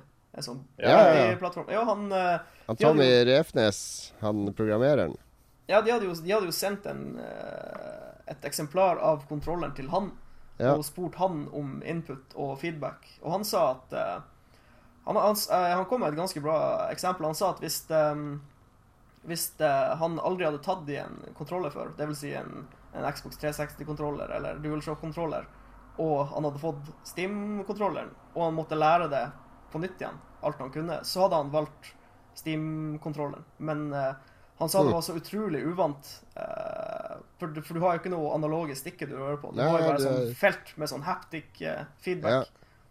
Så eh, jeg, jeg syns det ser spennende ut, absolutt. Jeg bruker jo sjøl en Xbox 360-kontroller på PC-en når jeg spiller plattformspill og Dark Souls og sånt. Ja, det er, det, er, det er bra. Det er du da er du ikke blant den der hardcore-kjernen som sverger til mus og tastatur uansett. Det er mange av det, de. det er utrolig mange spill som gjør seg veldig bra med kontroller. Jeg er helt enig, helt enig. Vi må finne Lars, skriv opp i, i, eh, i vår uh, Lolbua-notisblokk at vi må finne en litt mer hardcore PC-entusiast enn Mats. Han er ikke hardcore nok til at vi får til krangling. Jeg er sånn skitten hybrid. Han er besudla. Det er PS4. Han er besudla. Han har smakt på forbuden frukt og likt det. Jeg er fortsatt bitter fordi The Last of Us aldri kom på PC. Det, det, det, det kommer jo på PS4-en som du har bak bak i sofaen. Der. det kommer på PS4, og det kommer jeg til å kjøpe, for det var helt vanvittig bra eh, opplevelse. Det kommer forhåpentligvis med filmatisk filter, det òg, så det holder seg ned på 30. Hvilket spill var det du sa? Jeg fikk det ikke med meg. Eh, Hva da? The Last of Us. The Last of Us. Ja, nettopp. Ja. Det er jo- det er jo, eh, ignorerte det òg på PS3, egentlig. Så. Ja, eh, det er jo et, et godt eksempel på eh, eh, slutten av en generasjon. Altså, de har jo dytta hardwaren så langt det går an å dytte, og du ser jo tydelig i spillet. Det er jo det er ikke på en, måte, på en måte stabil 30 FPS i det spillet der. Hvis det er mye som skjer, så er det jo sikkert nede i 20 FPS. Eh, Vi har en PC-spiller på nytt som gjest. Snakker med en gang om Der var han tilbake igjen. Takk og pris. Nei, jeg, jeg, synes jeg gleder meg til Steam-kontrollen. Jeg liker alt som er nytt og spennende og eksperimentelt innen spill, så kjør på. Får vi prøvd noe av det her på E3, tror du det? Jeg vet ikke om Valve er der. Vi får se. Hvis ikke, så, så er det sikkert noen som har laga en kopi av den kontrolleren som vi kan prøve. I kjelleren. Ja. ja. Siste nyhet for i dag kommer nå. Nytt Battlefield. Eh, nytt Battlefield-spill ble lekka tirsdag denne uka. Battlefield Hardline. Det ble lika, og i dag, onsdag, har de lansert en enkel splash-side og bekrefta hele greia. Det ser ut som noe Cops versus Robbers heist-greier. GTA 6 med russere og atombomber confirmed. Det så veldig eh, GTA ut, de der bildene de har lagt Ja, det var pengesedler og banditter og biler og Jeg er litt eh, Ja, litt intrigued. Men et FPS i en bank, er det det vi Nei, altså eh, Håpet er vel at det er eh, At det er store kart og, eh, og muligheter for eh, å planlegge heists og gjennomføre de, vil jeg tro. Eh, Du har jo eh, Du har jo hatt en stor mangel av det, egentlig. Du har eh, eh, Det var jo mange som håpte at GTA Online skulle ha eh, en ganske sånn avansert heist-funksjon, hvor du kunne samle fire venner og, planlegge og rane en bank, og så gjennomføre det. Men det, det kom jo aldri. De hadde jo til og med lovd at det skulle komme. Så har du Payday, som er stort sett eh, heist FPS, men det er jo på veldig liten skala. Du har jo bare en bank, og så en liten gate rundt banken. Du har ikke noe getaways eller, eller noe sånt. Så det, det har vært et stort vakuum der. Og Payday jeg også tenkte på, for Payday er vel faktisk uh, svensk også, er ikke det? Ja, stemmer. Det er svenske utviklere. Men uh, det, er jo, det er jo miniatyrskala på Payday. Det er jo uh, det er jo det kanskje Hardline prøver å, å komme seg rundt. For det, Ja, det, det har jo aldri vært et sånt spill. Men Hardline, hvor, hvor har de en sånn datamaskin som finner opp de her titlene? Advanced Ja, okay, Warfare og Modern Warfare og Warfighter og Hardline og Det er jo, Ja, det er jo så det. kjedelig. Kunne ikke kalt det for noe kult. Get, get Det er jo et tema eh, for seg sjøl. Dårlige spilltitler. Ja. det Men det er var, bare å tenke på norsk, hvordan kule titler eh, Norske Hvis du oversetter dem til norsk de høres, Ingen spill høres jo bra ut egentlig på norsk hvis du oversetter dem. Så de høres sikkert teit ut uansett ut på, på engelsk. Hardlinje. Moderne krigføring. Slagmarken. Kina reiser seg. Rød alarm høres bra ut på norsk, det må du innrømme. Rød Rød alarm. Ja. Fungerer det? Det gjør jo det. Det er jo eh, Det er vel Det Er ikke det det kvinnen i, i parforholdet sier når det er den uka? Så da får jo spillet en helt ny betydning. OK, nok avsporing for nå. Uh, uh, nytt Battlefield. Vi får vel Ja, kanskje se det på, yes, på det, det, det skal bli unveila på E3, så da får vi se det. det får vi se. Da skal vi sitte på første rekke nede i uh, Orpheum Theater, eller hvor nå EA skal være i år. Har du kommet deg inn på EA-pressekonferansen i år, da, Nei, Lars? Jeg driter i EA og Ubisoft og alt det der. Det, det, jeg skal sitte og drikke øl. Ja, da setter parkerer jeg deg i en bar mens jeg går på de to, da. Jeg skal være på den der eh, Titti-baren der nede ved E3 Convention-plassen. That's where I'll be. Du sitter der og lader opp til Sony-pressekonferansen. Ja. Jeg gleder meg vilt til Sony-pressekonferansen. Jeg husker enda de der eh, livebandene og de her danserne. Å, herregud. der. I fjor var det jo eh, Nei, i fjor var det ikke det, men i fjor var det vel Janes Addiction etter pressekonferansen. Det var bra. Ja, det var awesome. Hva er det slags lyd vi hører i bakgrunnen? Nå har dere et godstog som eh, går forbi her borte. Uh, Det er urbane lyder. All right. Vi er ferdig med vår nyhetsspalte og skal snakke litt om hva vi har spilt i det siste. Og uh, Lars, skal vi eh, Eller Mats, du kan jo starte som, som vår gjest. Hva Ja. er det din PC har fått kjørt den siste uka? Uh, Den siste uka har jeg Er det den spilt, siste tida, da? Eh, Dark Souls 2 er vel eh, det kuleste jeg har spilt eh, siste uken. Du var mer fornøyd med den PC-porten enn eneren? Eh, ja, det var utrolig mye bedre port. Eh, du hadde 60 FPS-støtte ut av boksen, og det så veldig bra ut, og det, det føltes veldig bra. Og Ingen, Jeg har ingen spilt en del på PC, og det føles eh, det, det er sånn at det utgjør liksom en hel karakters forskjell på en 1-10-skala. Bare det at du får opp frameraten og hele Ja, den greia. Ja, altså eh, 30 FPS til 60 FPS er helt sinnssykt. Ja, jeg er faktisk enig der. Ja. Så det, det var jeg utrolig fornøyd med. Det var, Har du kommet deg langt, da? Jeg har jo selvfølgelig gått gjennom det for lenge siden. Er du på New Game Plus? Eh, ja. Eh, jeg har holdt på med New Game Plus og er utrolig fornøyd med, med spillet. i- i Hva slags karakter har du, da? Eh, jeg har en sånn eh, merkelig hybridsak som kan alt. Han kan trylle og slåss og skyte med pil og bue. Og han er ikke noe spesielt flink til, til noen av delene, men han kan alt. En jack of all trades. Ja. Det, det, det, uansett eh, Når jeg setter meg ned med Dark Souls 1 eller 2, så, så har jeg en sånn bild i hodet mitt. Ja, han her skal være dritgod til det, og skal være spiss Ja. fokusert, og så bare eh, går det helt bananas idet jeg finner så mange, det er så mange våpen og sånn, og så føler du du må prøve de, og ja.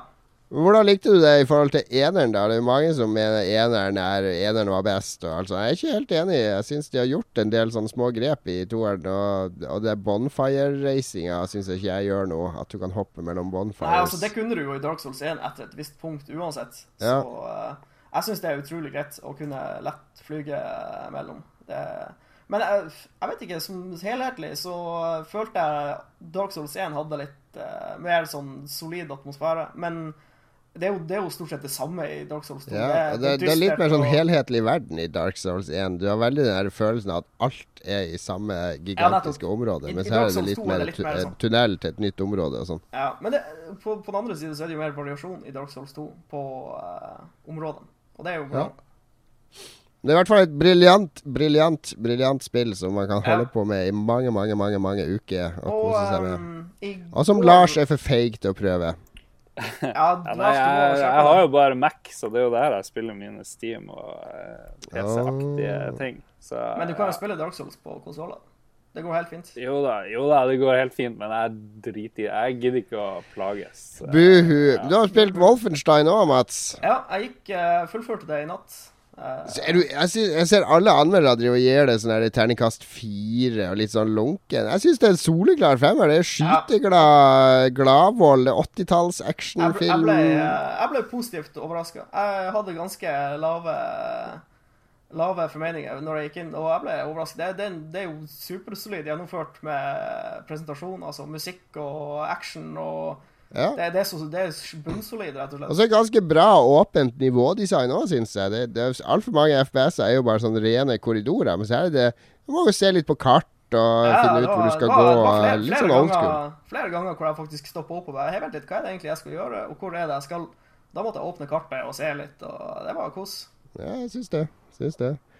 Undervurdert spill. Jeg vet at vår, vår, eh, vår eh, podkastvenn Jostein i Red Crew han er veldig veldig glad i, i Wolfenstein og mener det har blitt uh, undervurdert av kritikerne. Har du fått spilt det nå, Lars? Wolfenstein. Ja, ikke det gamle, men det nye. jeg spilte gamle. Nei, jeg har ikke prøvd det nye. Det, det Jeg har vært litt sjuk i det siste, og blant annet så har armene mine visna av sånn der eh, musearm de luxe. Jeg- Det er kun i den siste uka jeg har fått spilt hardcore. Ellers har det bare vært sånn eh, softspill som Heartstone. Så det eneste jeg har fått spilt, det er Watchdogs. Det er det. Du har vært på Watchdogs, ja. Det har jo jeg, det har jeg runda, faktisk. Ja, eh, det Jeg syns det var greit nok, jeg. Ja, jeg syns det var kult. Ja, eh, Men det var- fin, jeg eh, ikke Jeg tror mye av problemet med Watchdogs Watchdogs får mye kjeft nå fra mange spillere som åh, har det kommet, ja, det- det gidder jeg ikke å prøve. Og, altså, de har blitt metta av all hypen som har blitt servert nå i to år, og 30 pluss trailere og ditt og datt. altså, Jeg har ikke sett Jeg har ikke fulgt med på noe av det, så jeg kom jo til spillet med, med null forventning, egentlig. Ja, men Watchdogs det var litt sånn merkelig lansering, fordi det ble jo annonsert eh, under E3, og det var sånn overraskelse. Det var ingen som hadde vi- visste om det når det ble annonsert, og det så jo veldig nesten ferdig ut når de eh, presenterte det. Så det var Ja. mange som trodde at det var rett rundt hjørnet, release. Og så ble det jo utsatt og ditt og datt, og det, det tror jeg irriterte mange folk. Ja, 2012 var vel året vi først så eh, Ja. traileren der. Og det Hvis så jo du- mye bedre ut enn det ser ut i dag, for Ja. å si det sånn. Ja, så det er vel Det ser en del bedre ut, ja, men jeg syns ikke Det ser jævla dårlig ut i dagslys, for det, det, av en eller annen grunn det, det bruker ikke sånn GTA 5 på PS3 ser jo til tider bedre ut i dagslys, fordi det bruker veldig smarte sånne filter og væreffekter og ting og tang som gjør at det ser veldig bra ut. Mens det her er så, så utrolig plain. Jeg tror det jeg, jeg så noen screenshots. Det ser bare ut som det mangler en del skygger, rett og slett, i dagslys. Ja, det ser, ja, ser veldig ja. spartant ut i dagslys, men om, om natta 5 er vel det så ser det beste bra ut. GTA 5 er vel det- beste next gen-spillet fremdeles. Ja, det fortsetter. det. Er nok det. Men hvor langt har du spilt da, Lars? Jeg har ikke spilt så sinnssykt langt, bare noen, en par timer. egentlig. Har du møtt Lisbeth Salander-kopien? Nei, men jeg har veldig sånn David Cars-feeling. At eh, noen har latt seg inspirere veldig av det her. Vi skal ha familie, vi skal ha barn, og vi skal ha personlige forbindelser. og Ja. Veldig personlige sånne motiver for å gjøre det de gjør. Ja, det, jeg, jeg, jeg syns de, de blir ikke De er ikke så sterke så de kanskje kunne ha vært eh, litt uh, Det er ikke så potent, for han der Aiden er jo bare sånn utrolig kjedelig maskulin pappfigur som alle mannlige helter er. Han har to uh, sinnsstemninger. Det er han er sint, eller han er uh, irritert. altså, og han skal beskytte. Beskytte, beskytte, beskytte hele tida. Altså, det, det jo Han har kanskje noen mentale problemer, det må du jo ta med i han, har, han er så endimensjonal så det går an å få bli. Og det, det absolutt verste med hele spillet, det er den der forbanna motesansen til han der idioten. For den der urban eh, urban-stilen han har, den der svære frakken og hettegenseren og kamobukse det er, det er noe av det styggeste jeg har sett en mann på nærmere 40 år kan gå rundt i og kle seg som han er 14 år gammel. Så det, noe av det første jeg gjorde i spillet, var når jeg fikk lov å kjøre rundt fritt, var å finne en klesbutikk. Jeg tenkte nå skal jeg putte på han her en raffinert dress eller et eller annet, så jeg i hvert fall eh, kan, kan trives i hans selskap. Men de har jo faen meg De har 30 sånne kostymevarianter av den samme frakken og hettegenseren i ulike farger. Det er alt du får lov å velge mellom. Det, det er mitt verste punkt med spillet. Men ellers så har jeg hatt masse moro med det. Og spesielt det der med at du kan uh, få alle mulige hemmeligheter om folk rundt deg. Det syns jeg var smått forstyrrende å gå rundt med den mobiltelefonen og se at han Jeg var helt hiv-positiv. Og, og, og så får jeg jo avlytte alle de her telefonsamtalene. Jeg har begynt å hacke deg inn i husene til folk og se på webkameraene deres. For Nei, jeg har ikke gjort det, men jeg syns frem til nå, de få timene jeg har spilt, så er det veldig irriterende, alle de der infoen som kommer opp. Jeg bare får informasjon Eller er bare legge bort telefonen din. Ja, er det det? OK. Ja, jeg tror det er et budskap der. For han- det irriterer meg at han går på gata og ser på telefonen sin hele tida. Ja, ja. Han gjorde det når han var på det, besøk det her er det noen metagreier om at vi sitter foran en skjerm, og han sitter foran en skjerm. Og, Ja, det er et sosialt budskap. Og i Jeg tror starten det, men- men det er en sånn mobil. hva sa du, Lars? Når han er i bursdagsselskap i starten, så går han jo også bare med mobil. Ja, det er, her, det er et eller annet budskap her om hvordan vi skal leve utenfor skjermen osv. Men, eh, men et av de mest forstyrrende greia er det sideoppdrags-quest-linja, der du skal eh, 30 steder i byen skal du bare hacke deg inn hos vanlige folk. Og så kan du se gjennom webkamera på hva de gjør i private stunder. Og der er det noen sånn Noen veldig pinlige øyeblikk å se. Noen bare litt flaue, noen humoristiske, og noen som er litt sånn vonde. Det er sånn alenemor som kjefter ut ungene sine fordi hun er sliten, og sånn, der du bare sitter og ser gjennom kamera, og så kan du liksom Eneste jeg kan gjøre, er å skanne kredittkortet hennes og stjele alle pengene hennes. Men du får innblikk i sånne vanlige familieskjebner, familietragedier og sånne ting som er det er jo en kommentar her om overvåkingssamfunnet som jeg syns de har integrert i spillet, sånn at meg som spiller faktisk eh, reagerer på det som skjer. Og det syns jeg de har gjort bra. Ja. Nei, jeg har ikke spilt det nok til å gi noe terning og sånt, men jeg er positivt eh, innstilt til det her spillet. Da. Jeg, greit nok, jeg er litt lei av det, og det var bare så vidt jeg gidda å fyre det opp, egentlig. Men eh, ja. Ja. Hva du, hva du spiller på? Xbox 360? PS4. PS4? Ja. Ja. Og det, folk klager jo på veldig mye rare ting på nettet. Så noen, har, noen klagde på at det kom ikke ambulanse når man driver og dreper folk. Eh, noen fulgte etter eh, brannbilen hele tida for å se om han gjorde noe. Det er mye sånn rar kritikk Ja, men jeg tror folk har blitt hypa så opp, og så har det blitt en sånn motbølge mot det nå. Så nå skal folk plukke det fra hverandre og latterliggjøre det. Jeg så det, det mangler politibåter, så hvis du har politiet etter deg og svømmer ut i elva, så står de bare der og ser på. Ja, men hvis du har nok stjerner, så har du jo politihelikopter òg. Da Ja, blir du ja. snipa i hjel i vannet. Jeg har prøvd det. Ja, jeg, tror, jeg tror det, det som Jon sier, det, det har blitt en sånn stemning rett og slett mot spillet, så eh, Mm. Og det, det jo Du slår jo aldri feil. Folk skal finne feil og ditt og datt. Det, sånn er det jo hver, hver gang, egentlig. Vi kan jo hoppe, siden vi snakker om det her, til uh, en som har sendt oss kommentarer på spillet. Skal vi se. Det er Noobs Basement. Eh, han sier mange reagerer på Watchdog siden grafikken er justert for konsoller og ikke PC. Nesten umulig å kjøre på 1080P med 60 FPS. Ja. Der har vi en ekte PC-spiller. Ja, men jeg, jeg jeg tro, Nå vet du, kan ikke jeg si noe med sikkerhet, men jeg vil tro at Watchdogs er utvikla med en konsoll som ledende plattform. Og da er jo, da er jo PC-en en ettertanke. Det, jo, det skjer jo veldig ofte at det ikke er optimisert. Men det har jeg tenkt på mens vi holder på her. Da. Jeg tror jeg skjønner hvorfor PC-folkene er litt aggro. Det er jo fordi det fins eh, mye mer oppmerksomhet rundt konsollspillene. Og så lenge man blir en liten gruppe, så blir man litt mer eh, ivrig på å forsvare sin egen eh, sak. Det så jeg oppe i eh, Finnmark, da jeg bodde der, med samiske spørsmål. Samene er en veldig liten gruppe, men de er utrolig kjappe på å kritisere all mulig ting som kan rettes mot dem. Og jeg føler at eh, hvis vi ser på eh, spillverden som Norge, så er PC-eierne er samene i spillverden. Ja, altså, jeg vil ikke på, på noen som helst måte karakterisere PC-spillere som en liten gruppe, men uh, de har Ja, men en gruppe under press på et vis. ikke sant? Ja. Det, de har ikke den oppmerksomheten de føler de fortjener. Så da blir de ekstra gira. De har masse oppmerksomhet. Det er bare Det er sånn der eh, En sånn del blanda misunnelse og uh, irritasjon over å ikke ha hele spotlightet. De vil ha, rett, de vil ha retten til land og vern. Det, det, er som, det er som det barnet som ble født først, og så kom det noen små, små inn i familien etter hvert. Noe sånt, ja. Noe, fikk det er spot on, spot on. Ja, vi kan fortsette med lyttespørsmål. Uh, vi har vel eh, vi, vi orker ikke å prate mer om Heartstone, gjør vi det? Nei, Det er et bra spill. Prøv, prøv det hvis du er i tvil. Jeg er så lei av Hardstone nå at jeg skal aldri spille det mer igjen. Men vi, har, eh, vi kan eh, begynne med Tommy Wilhelmsen, som lurer på hva vi ser fram til på E3, og hva vi håper den største overraskelsen blir. Ja, vi skal jo ha vår E3 spesial i neste dag, men det blir jo en slags teaser eh, til det. da.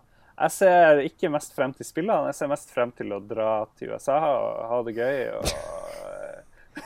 Professional as always. Jo, men det er jo litt sånn, da. Uh, ja, for å være ærlig. Jeg ser frem til den mandagen med alle de pressekonferansene, for det pleier å være gøy, og det er da de avslører alt og forteller alt. Uh, men jeg, det er ikke noe sånn enkeltspill jeg gleder meg mer til å se enn andre. Uh, ja, jeg skal se på Jeg skal prøve noe sånn der DLC til Dark Souls 2. Det kan jeg kanskje avgjøre. Avsløre. Ja, ja, kult.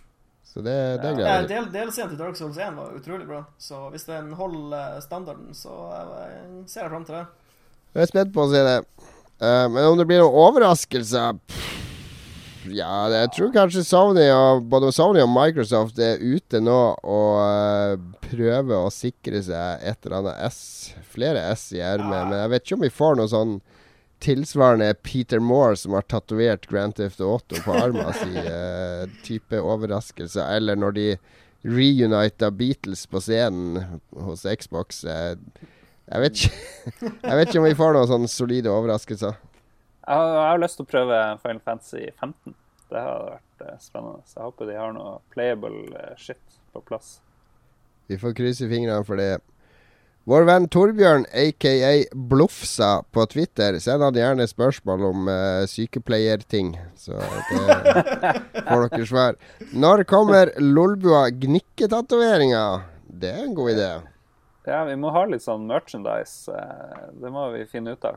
Kjøpe det fra Kina på Ja, vi er, siden, siden Magnus ikke er her, og, og han går på BI og lærer seg business, så er det jo naturlig at han blir må, vår merch-ansvarlig. Ja, ja. Vi Så vi skal sette Magnus på saken. Ja, Vi må ha noe ting med sånn giftig bly og sånne ting. Tyrkia-gnikketatoveringer. Ja. Henna-tatoveringer. Eh, Jan Christian Hegel, vår mest trofasteste lytter av alle, spør PC blir mer og mer populært. Bør man bare ha en god PC, og eventuelt skaffe seg en PS4 og Xbox One hvis man spiller eksklusive spill som Halo og Uncharted? Mats. Eh, altså, eh, jeg vil si at hvis, hvis, du, hvis du måtte velge Du får bare lov til å enten ha PC eller konsoll. Så eh, vil jeg si at du får bedre utvalg i spill ved å ha en PC. Men hvis du er interessert i exclusives som f.eks. Uncharted og The Last of Us og de greiene der, så må jo du nesten ha en konsoll i tillegg. Men PC er jo et godt, et godt utgangspunkt. Ja, jeg, jeg vil påstå at eh, under PS2-tida og sånn, en seks, seks fem, seks, Altså, år Så var det liksom sånn at da, da skjedde alt på konsoll, og da klarte Mm. du deg helt fint uten PC i mange år. Men så under PS3 så har PC virkelig fått uh, fart i seg. Og veldig mye av det mest interessante jeg spiller, spiller jeg på PC nå. Det, det er jo indiespill og, og Ja, at, uh, eksperimentelle spill og masse morsomt. Så, så PC er helt essensielt å, å kunne spille på nå hvis man skal holde seg Jeg, jeg, oppdatert. tror, jeg tror også at de fleste stor, stortitlene på, på PS4 og Xbox One kommer til å komme på PC. For nå er, er arkitekturen er så lik på de to at jeg tror det blir en smal sak å porte over til, til PC. Og det blir jo også færre og færre eksklusive spill. Ja, nettopp. Og det, det er en trend jeg er veldig glad i. Det, exclusives er ons, ondskap. Jeg ville bare ha den Engage, Nokias uh, supreme uh, Det taler du tacoskjell, som heter engage, Danmark. never forget. All right. Fampar 9. Er det noen av oss som gleder oss til spillet The Evil Within? Det er jo uh, han Mikami, er det ikke det? Shinji utsatt? Mikami, Resident Evil-skaperen sitt spill. Ja, de står på hjemmesida deres at det skal komme 24. oktober. Jeg vet ikke om det er Ja, for det ble nylig utsatt, tror jeg. Det òg. Ja, men jeg leste noe om det. Ja, ja, det, er utsatt til oktober. Det skulle sikkert komme veldig snart, da. Ja, jeg tror det. Ja. Men eh, glede seg og glede seg. Jeg ser fram til alle spill med åpent hjerte og sinn. Men jo da, jeg syns Mikami er eh, kriminelt god å lage spill, og kriminelt god til å finne opp eh, Eller å samkjøre spillmekanikker, kontroll og eh, det han vil få frem i spillet. Jeg syns Resident Evil 1 er et mesterverk fortsatt av at han tok kontroll bort fra spilleren og lagde rigide kamera og alt mulig som gjorde at spillet ble enormt mye mer skummelt enn hvis spillerne hadde laga det sånn som de hadde lyst til å lage det. Så, så han, eh, han er eh, en briljant spilleutvikler, og jeg ser selvfølgelig fram til det. Ja. Nei, jeg vet ingenting om det der greia der. Jeg bare søkte på det da vi fikk spørsmålet. Men det så kult ut. Jeg, jeg er ikke noe stor sånn horrorfyr horror- der. Ja, okay, ja. Ja, er det sånn Outlast og sånne ting, eller er det mer eh, Jeg tror det, han sier det skal være mer horror enn noe horror som har vært før horror. Da driter jeg i det. Jeg kan ikke sitte og spille. Da må jeg ha noen med meg. Nå bor du jo alene i et stort hus i Harstad. Kan du jo sitte der. Og I oktober da det begynte å bli ordentlig mørketid og Jeg kan høst holde deg i utover. Lars.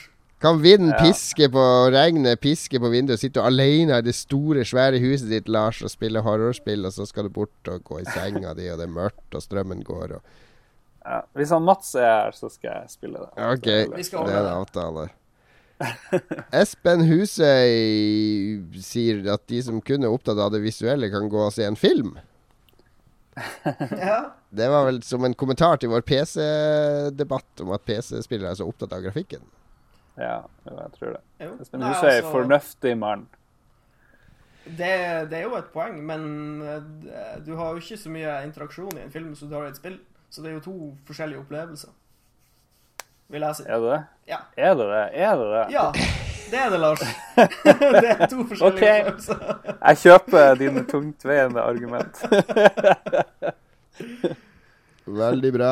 Vi har nådd uh, slutten, for jeg må beregne Jeg må gjøre regnskapet mitt, for jeg må levere selvangivelse. Pluss at jeg skal i middag med en eh, meget celeber eh, fyr i kveld. Meg og flere andre som skal spise middag Name med dropping. en amerikaner på besøk i Norge. Men det kan jeg fortelle om i neste Lolbua. Oh, du må jo si hvem du skal møte, da. Nei, han heter Larry DeMar, og han var med og Han har annet vært med og laga Robotron-arkadespillet. Han har vært med å lage Defender Arkadespillet. Han har laga mange av de mest legendariske Bally Midway-flippermaskinene. Han har holdt på i spillbransjen siden starten av, ja, slutten av 70-tallet. Det er jo en legende. Han driver nå et firma som gjør at han er i Norge flere ganger i året. da Og når han kom En av de første gangene han dro, kom, dro til Norge, et par år siden, så fant han utstedet Tilta, der mange av flipperne hans står. Og da kom han i kontakt med vår felles venn, i hvert fall meg og Lars, som heter Kjell Gunnar, som jo, eh, som jo eh, eier Tilt, og eier alle de flipperne. Og, eh, og Kjell Gunnar har blitt godt kjent med Larry DiMar. Og det morsomme med Larry DiMar han får, Det er masse sånn hemmeligheter i de flipperne. For det er jo eh, eh, Du har de displayene, vet du. De er LED-displayene. Eller ikke LED, men det er sånn punktdisplayer der de viser sånn enkel grafikk med, med lys. Og Larry DiMar har masse sånne koder som han har lagt inn. Altså, du, du trykker de flipperne i sånne her to ganger høyre, tre venstre, én høyre, fem venstre. Så lange sekvenser, så kommer det opp sånne hemmelige beskjeder på displayet. da til, til uh, hun som var kjæresten til Larry når han lagde det spillet. altså de, masse av de som ikke, ikke er sånn generell kunnskap på nettet. da Som han for og viste Kjell, da, flere av de kodene. Så han virker som en veldig morsom eh, fyr. Jeg snakker masse om gamle dager og, og alt mulig, så jeg tror det kan bli et, eh, et hyggelig møte. Det høres bra ut. Jeg misunner deg det møtet. Selv om jeg aldri hadde hørt om fyren før i dag.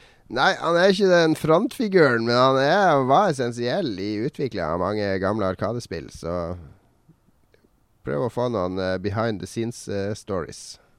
Da gleder vi oss Til neste neste uke. Da blir det eh, ekte E3 spesial, som vi egentlig tisa forrige uke. Neste blir ekte E3 spesial. Der skal vi eh, kåre alle vinnerne og taperne av E3 før vi drar dit. Og så kan vi jo sammenligne det med når vi har vært der. Se hvor mye som blir rett. Ja, det blir bra. Vi kan spå litt. Det liker jeg. Meget, meget bra. Det ble en eh, kompakt sending i dag om eh, PC-spill. PC-spillere og PC-spilling. Jeg tror vi har tråkka på noen PC-spilltær i dag, Lars. Ja, garantert. Nå har vi halvert lytterskaren. Som vi halverte den gangen du kalte alle lytterne våre for navere.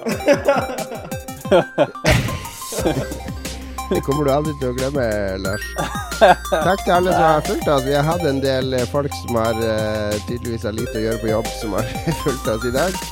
Um, Takk til dem. Du kan selvfølgelig følge oss på Twitter, at Lolbua, Facebook, Lolbua2000. Uh, vi har også forskjellige Twitter-kontoer. Lars R. Olsen, Fleksnes og Magnus Tellefsen. Er du på Twitter, Mats? Nei, fuck Twitter. Da er foreslår jeg at noen er lager en Twitter-konto for Mats umiddelbart, så de kan, da kan selge til han. For han er så fryktelig vittig at han kjøper PS4 bare for å ha den stående bak i sofaen. Ikke gidder å pakke den ut i gang, så lag deg en Mats Rindal Johansen Twitter-konto, og så tweeter du masse sånn at han blir nødt til å kjøpe den. Vi er tilbake neste uke med vår pre-etere spesial. Og så må vi også planlegge, Lars, hva vi faktisk skal gjøre på etere, sånn Lolbua-ting. Eh, Det blir jo spennende å se hva vi får til der. Ja, må. Har du noe bra kamera sånn at du kan filme med? Eh, Jeg skal se hva jeg klarer å grave opp, men eh, ja, vi får snakke om det fram til neste sending. Takk for i dag, alle sammen. Ha det bra. Ha det bra.